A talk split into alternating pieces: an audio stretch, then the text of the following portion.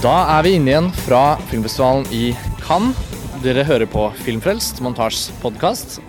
Som vi har sagt nå tidligere i de forrige episodene, er det spesialepisoder vi er inne i. Ja. Står her sammen med Lars Ole Kristiansen, redaksjonsmedlem i Montasj. Hei, hei. Mitt navn er Karsten Meinick, jeg er redaktør eh, i Montasj. Og nå er vi midtveis i Cannes-festivalen.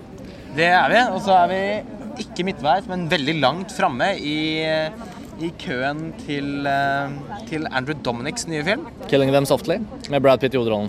Så vi håper at vi kommer inn, sånn at vi kan gi dere en tilbakemelding. Ja, Neste episode av podkasten ser ut til å skulle handle om den, faktisk. Men nå som vi står her og har tid, så er det jo relevant å snakke om det vi har sett frem til nå som ikke vi har fått diskutert på andre podkaster og skrevet artikler om. Um, bare sånn generelt, fordi vi snakket litt om det før i dag. Er det, hva, hva, slags, hva, hva slags festival er årets festival? Er den, hva syns du? Er det, er det en stor uh, utgave av Cannes-festivalen? Er det en veldig ræva utgave? Er det Nei, altså Veldig ræva kan det jo aldri bli, tror jeg. Men, eh, men det er definitivt ikke et spesielt sterkt kannår. Eh, på forhånd så så det ut til å, til å bli omtrent like gullkantet som fjoråret.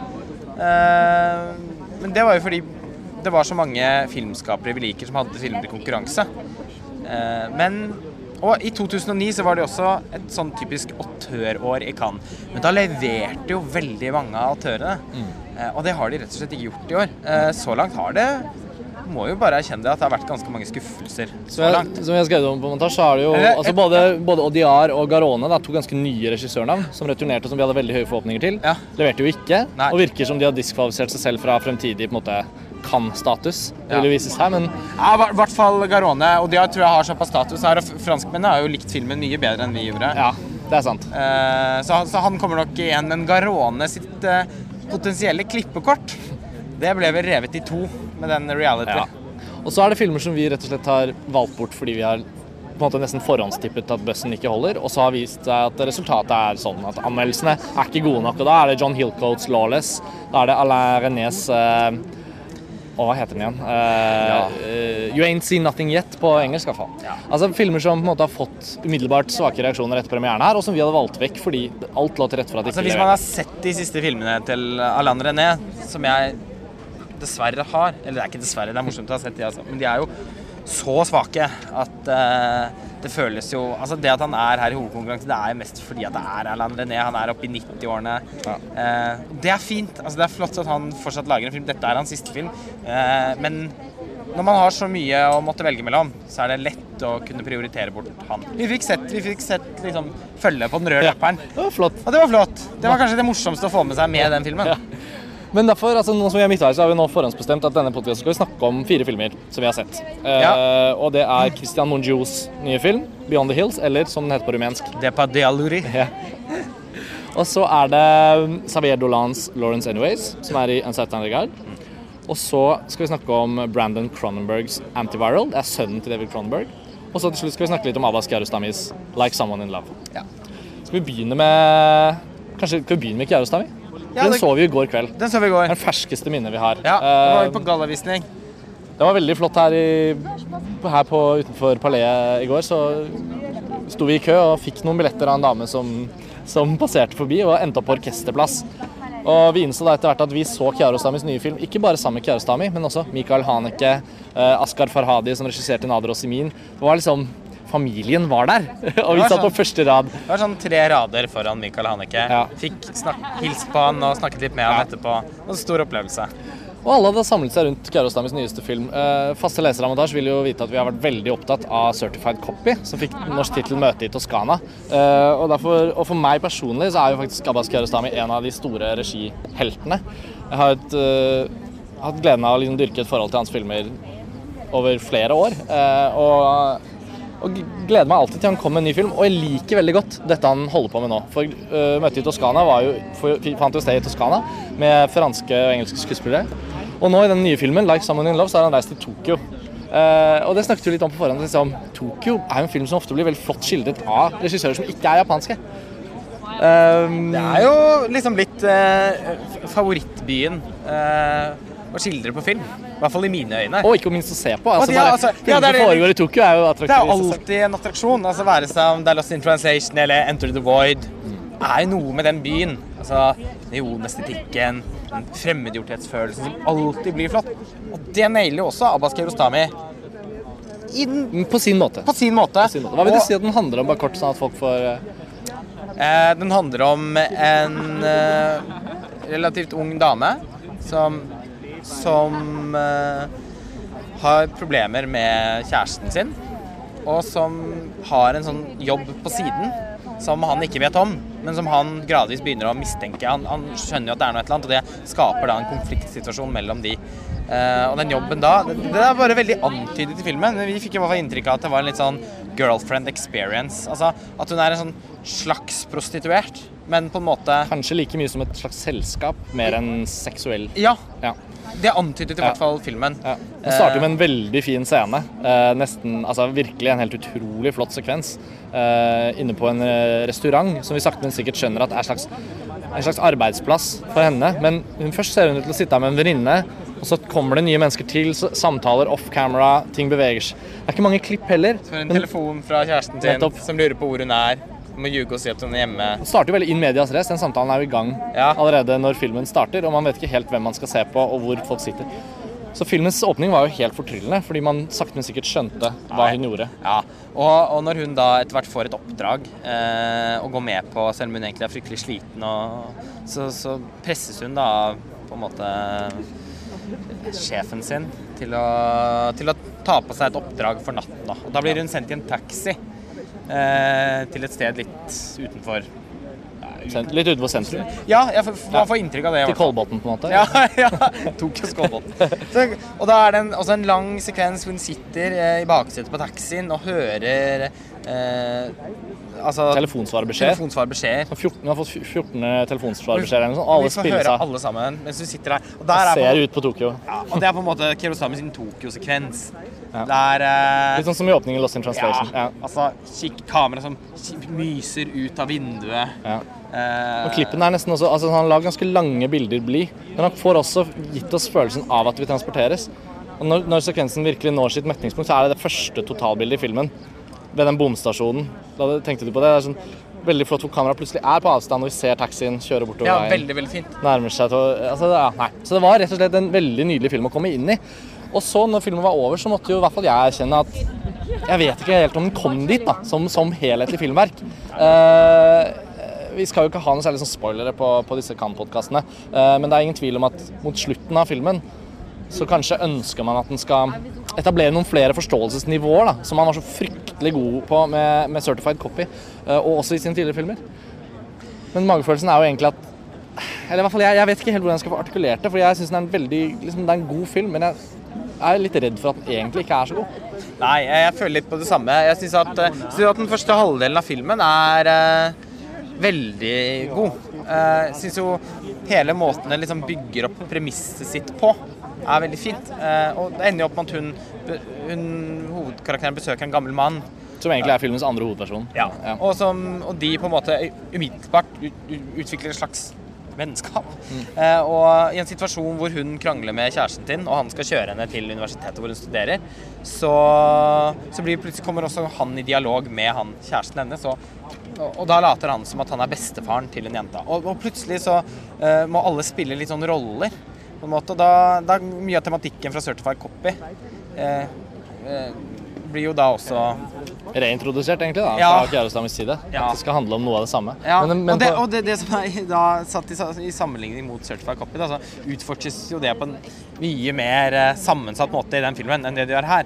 Eh, Her håper man jo hele tiden at, at dette også skal munne ut i noe virkelig interessant. Ja. Men det ender jo opp med å bli veldig enkelt, rett og litt for deskriptivt. Ja, litt for destruktivt. Eh. Det, det er ikke noe spørsmål som forblir ubesvart da når filmen er ferdig. Ja. Og er, Og Kanskje i mange andre filmer så ville man ikke forventet det, men når, når Kiarostami ja, det, har gjort det han har gjort, og etablert en sånn type fortellermåte, så Nå skal vi se, nå skjer det noe her i køen. Ehm, Ja. Nå beveger vi oss til et nytt, til et nytt område. Men vi kan fortsette å snakke, Lars Ole. Altså, den neste den neste liksom, tanken som slår meg med Kiarostami, er jo at han på en måte han gjør litt av det samme som Woody Allen kanskje er litt i gang med. Altså Han drar til byer som ikke er iranske, og forteller sine historier der. Og det Woody Allen kanskje har slitt litt med, er at ikke alle filmene blir like gode.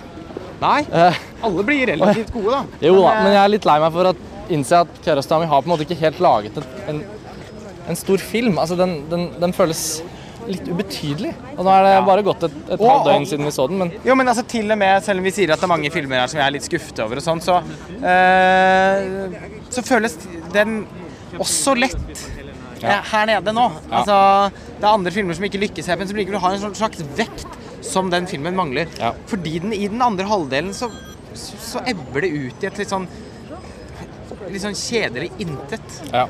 Og det gjør også Jeg var veldig liksom, fokusert når jeg så filmen og følte at jeg liksom kontinuerlig vurderte den når jeg så den. Ja. Og dessverre så Det var liksom enkelt å bare foreta et røntgenbilde av den. Ja. Og, så, og så ser man alt, og så føler man faktisk ikke at det er noe gjensynsbehov. Og det Jeg kjenner jo et gjensynsbehov, men det er jo først og fremst for å finne ut finne litt nærmere ut hvor, hva som kanskje gjør at den ikke funker så godt. Ja. En typisk film hvor jeg veldig gjerne kunne liksom like å ta den så jævla strengt på alvor at jeg kanskje skriver en veldig kritisk artikkel om den. Ja, det- Bare for å på etablere at, at ja, Kiarastami landet kanskje ikke denne helt. da.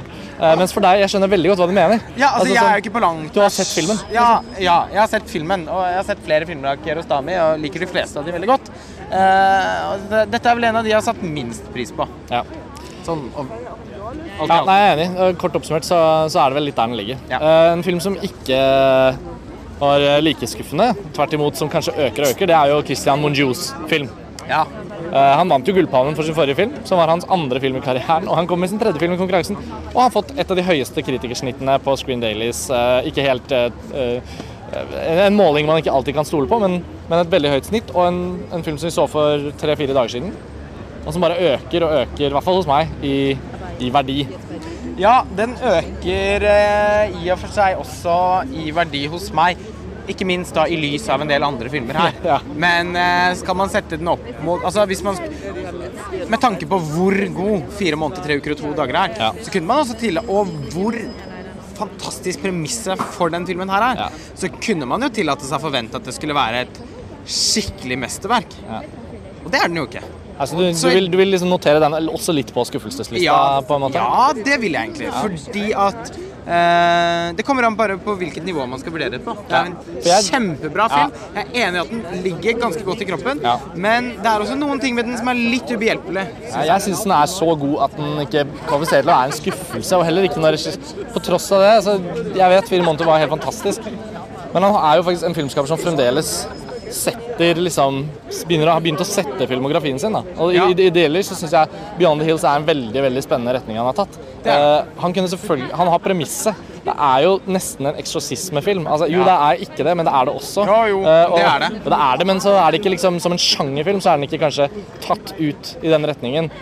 Og det har vi snakket jo vel litt om, at hvis han hadde turt å tilføre Bare liksom turt å være litt mer Litt mer horror, litt mer sjanger. Han hadde ikke tenkt å gjøre mye, men bare mm, Ja, Så hadde han kanskje fått hevet opp det elementet. Ja, det, for fordi- holder jo på veldig den realismen, realismen, realismen. realismen. Ja, og det er de små bruddene med realismen som virkelig Det er da jeg får virkelig frysninger på ryggen. da Når noen oppdager at det er et svart kors inni midten av en trekubbe. Ja.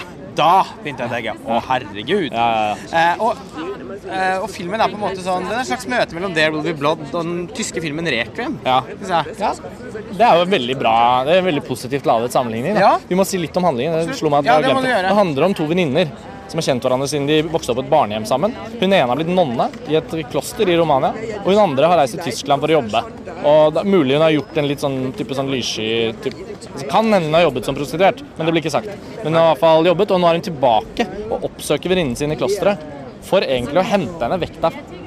Og henne, hun har jo da en veldig kritisk holdning til religion, mens hun andre har liksom Hvordan kan du ikke tro du må, Hvis du vil være her, så må du på en måte Men hun er også, de er veldig glad i hverandre. Hun ene er litt sykelig glad i hun andre. Ja, det er en sånn finnes- lesbisk undertone. ja, men alle de tingene der, eksorsismen, lesbisk altså sånn, Alt er undertoner.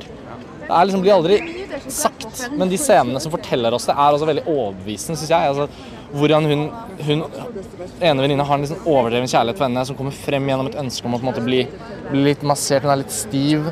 Og så ja, jo, jo, så nonnevenninna liksom holder på hele nonnekostymet sitt, den andre tar av seg på overkroppen, og så snur hun seg og ligger liksom med bare bryster.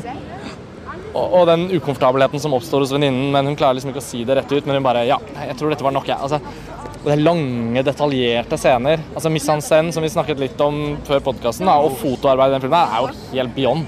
Helt eksepsjonelt. Beyond the hills. Eh, ja, det er Beyond the Hills. Eh, altså, det måten han Måten Mungiu komponerer bildene sine på, altså, dybdekomposisjonen i bildene, måten han plasserer gjerne den, fig den figuren Ja. som, som, som påkaller interessen vår, er ofte plassert veldig langt bak Ja. i, i bildet. Han, og, og jeg syns også gjennomgående bruken av svart, f.eks. Ja. De svarte korsene på veggen, Ja. de svarte kostymene, ja. svarte draktene, hvitbleke, likbleke ansiktene. Hvis man har forestilt seg et Altså- kloster i Romania noen gang, så er det akkurat sånn her det ser Ja, ut. ja. Men- og men lang, altså- skildrer de lange, lange, lange Ikke tagninger. sant, Middagsscenen i fire måneder, to, tre, tre uker og to dager, Ja. den har jo fått en slags klassikerstatus eh, siden den filmen kom. Og det var jo også en, film, en scene som var så utrolig sterk nettopp fordi at hovedpersonen, hun som vi brydde oss mest med, satt der langt bak i, i bildet og bare på en måte forholdt seg til hva som skjedde. Eh, og vi har mange eksempler på dette her. Samarbeidet Samarbeidet mellom uh, Mungiu og fotografen Oleg Mutu er jo liksom et sånn kunstnerisk uh, par, litt sånn made in heaven. Det er litt fantastisk. Ja. Uh, og jeg tror også Mutu har foto på en av de siste konkurransefilmene som vises i år. Sergej Loznitsas 'In the Fog'. Den får ikke jeg sett, men den får kanskje du sett. Eh, og det er liksom Jo, det er kanskje en skuffelse at 'Beyond the Hills' ikke er helt på nivå. Men det er altså- er samtidig Jo, men jeg- jeg- altså- Den er for god da, Ja, til å, ja, ja, til å altså, liksom, er- klumpes inn med alle de andre skuffelsene her i kan. Jo, men det er jeg litt enig. Men altså, den, er, den, er, den er en veldig, veldig bra film. Den er jo Altså, jeg kunne til og med strukket meg til å, eh, til å bruke det uttrykket som amerikanere bruker, 'flawed masterpiece'. Uh, men den er flawed også, syns jeg. Fordi at når det virkelig begynner Når, det liksom, når filmen begynner å nå kokepunktet mot slutten, så har den muligheten til å virkelig løfte seg, og det klarer den ikke. Eh, For det første så er det et par scener på slutten som er oppriktig klønete laget. Mm. Særlig en uh, bi, helt ubetydelig birollekarakter som spiller dårlig. Ja. Burde jo være, eh, filmen burde vært avsluttet tidligere. Ja. Klippet vekk de aller siste Ja, for det er, den er ille, den scenen, syns jeg. Eh, og den eh, Og jeg syns også at den mangler den føler, Filmen føles litt for tenkt, syns jeg. Altså, det er akkurat hakket for forsert, da, på en måte. Nå å, her blir det en sånn gatevask eh, ja, det blir veldig Nå passerer det en sånn gatevask her, eh, og det føler jeg var greit å bare si. Det jeg si. mener, er at den mangler en sånn savn... Den er litt sånn Skulle ønske den var hakket liksom mer organisk, litt tyngre, litt mer kraftfull. Ja. Den føles akkurat litt for mye som et glimrende rammeverk. Da. Og det Ja. er innhold der, men jeg skulle ønske at den slo meg litt hardere. Ja. Og det har også med å gjøre med de veldig bare sånn underspilte elementene av, av, av skrekk, f.eks. inn der. da. Hadde man bare gjort litt mer av det, Ja. litt mer av eh, Kunne også liksom dratt det emosjonelle litt lenger. Jo, det er, den, er, den er nærme, og så har den ikke helt der. Så det er jo jeg, jeg, Men veldig nærme. Hvis man først En av de beste en- filmene vi har sett Det er jo det. nede, Og, og, og da, hvis vi da skal hoppe til en film som kanskje ikke er en av de beste filmene vi har sett der nede, men som, som har noe annet, da, så kan vi jo snakke litt om Brandon Cronenbergs Antiviral. Ja. Eh, Det er jo ikke en film som jeg syns er relevant å gå så veldig dypt ned i, fordi Nei. den ikke presenterer et så veldig stort, en stor dybde for oss. Men kort fortalt, dette er jo sønnen til David Cronenbergs debutfilm. Antiviral spiller i Uncertain Regard. Eh, og det er, eh, det er Han er sin fars sønn. Han er sin fars sønn. Som noen skrev på Twitter, 'He's not adopted'. så, nei, det er helt åpenbart. Det er en body horror-film. Ja. Eh, laget på lavt budsjett. Det handler om eh, at i en eller annen slags parallell fremtid eller nåtid så, så er kjendisdyrkingen kommet til et sånt nivå at det finnes klinikker som eh, selger deg en kjendis sin sykdom eller sitt virus. Altså sånn hun, hun eh, veldig flotte bla bla bla stjernen har et herpesvirus. Eh, det kan du få levert liksom nede på leppen. Den hovedpersonen jobber på en sånn klinikk da. Men med det som premiss så utvikler seg jo en langt mer eh, nesten konspiratorisk eh, det blir en slags thriller som også handler om hovedpersonens sykdommer. eh, Og, Det er, det er den, mistet, den mistet meg ganske tidlig, altså. Ja, Den mistet meg egentlig i første scene. ja, jeg, sy- jeg syns ikke det utgangspunktet er spesielt bra. Nei. Eh, altså sånn tenkt som en science fiction, da. Så syns jeg, den- synes jeg ikke ideen er god nok. Jeg syns den er for uh, aparte. Og jeg syns estetikken er fryktelig Jeg syns den var stygg. Altså, primærfargen i filmen er hvit. Den er skutt på sikkert på Red eller et eller annet høyoppløselig HD-kamera. Projisert i HD. Veldig sånn, alt var sånn overskarpt. Du følte ikke at det var ordentlig film. Nei. På en måte, Den hadde ikke en filmtekstur. øh, øh, og jeg likte ikke hovedkarakteren. Nei. En ting var at Han var på en måte ikke usympatisk, men han bare Han gikk rundt og hadde ingen spesiell vilje den ene eller den andre veien. Han var bare veldig utålelig, syns jeg. Altså, Hinkende bort med den Ja. stokken. Veldig sånn geipete Så så han alltid syk ut. Så, ansikt. så forskjellen Ja. mellom at han var ordentlig syk, som er noe av dramaet, og det at han faktisk bare var Ja, Det klarte ikke jeg å se forskjell på. Så de oppnådde, oppnådde jo ikke noe av det som egentlig lå som et av de Det, det, det, det filmen skal ha, eh, det er jo at den, det er noen ting der som er litt lovende. På en måte, så man kan se at det er liksom en filmskaper i emning. Jeg syns at dette var en B-film. Men skikkelig B-film. Eh, Rett men- på DVD. ja, ja. Jeg syns ikke den har noe i Jan Ferretandre Regar å gjøre. Nei. Eh, jeg tror den bare er der pga. at det er Cronenberg-navnet. Ja. Det, det tror jeg faktisk. Jeg tror jeg men, eh, men, men det er noen fine, noen fine ting der, og den, den leverer på, på, på blod og gore, da, syns jeg. Ja. Der, der leverer den. Ja. Eh, Det skulle vært mer av det. Eh, Når de Altså, sånne frenetisk gulper opp blod og sånn, Ja. det er flott. Altså, det er jo sekvenser her som, som gjør at filmen er skikkelig lovende. Altså, jeg skrev på Twitter at uh, den norske filmen Tale, den Hulder-filmen, det var også en, ikke en spesielt god film, men den hadde biter i seg som man tenkte mm, ja, denne filmskaperen kan potensielt sett levere spennende ting i fremtiden. Jeg, jeg, jeg avskriver ikke dette i det hele tatt. Eh, og i norsk sammenheng så var jo det ekstra lovende, da, i og med at vi ikke har så sterke Nei, nei, og det- sjangeruttrykk. Og det er litt det samme med Brandon Cronenberg. Biter av denne filmen her er sånn mm, Ja, gjør mer av det. Men filmen som helhet var virkelig svak. Det er litt pinlig at den er i kant. Ja, det det syns jeg er litt pinlig. Med tanke på alt som ikke er her, på en måte. Ja, ja, ja. ja. Uh, og den jevne norske film er jo mye, mye bedre enn Antiviral. Ikke sant? Så- Man må på en måte stikke fingeren litt i jorda på en del ting som det. Man må det. Og sammenlignet med Tale, eh, den syns jeg jo funker, egentlig. Ja. Den er litt der. Også en B-film, mislykket, men det er noen elementer der. Ja.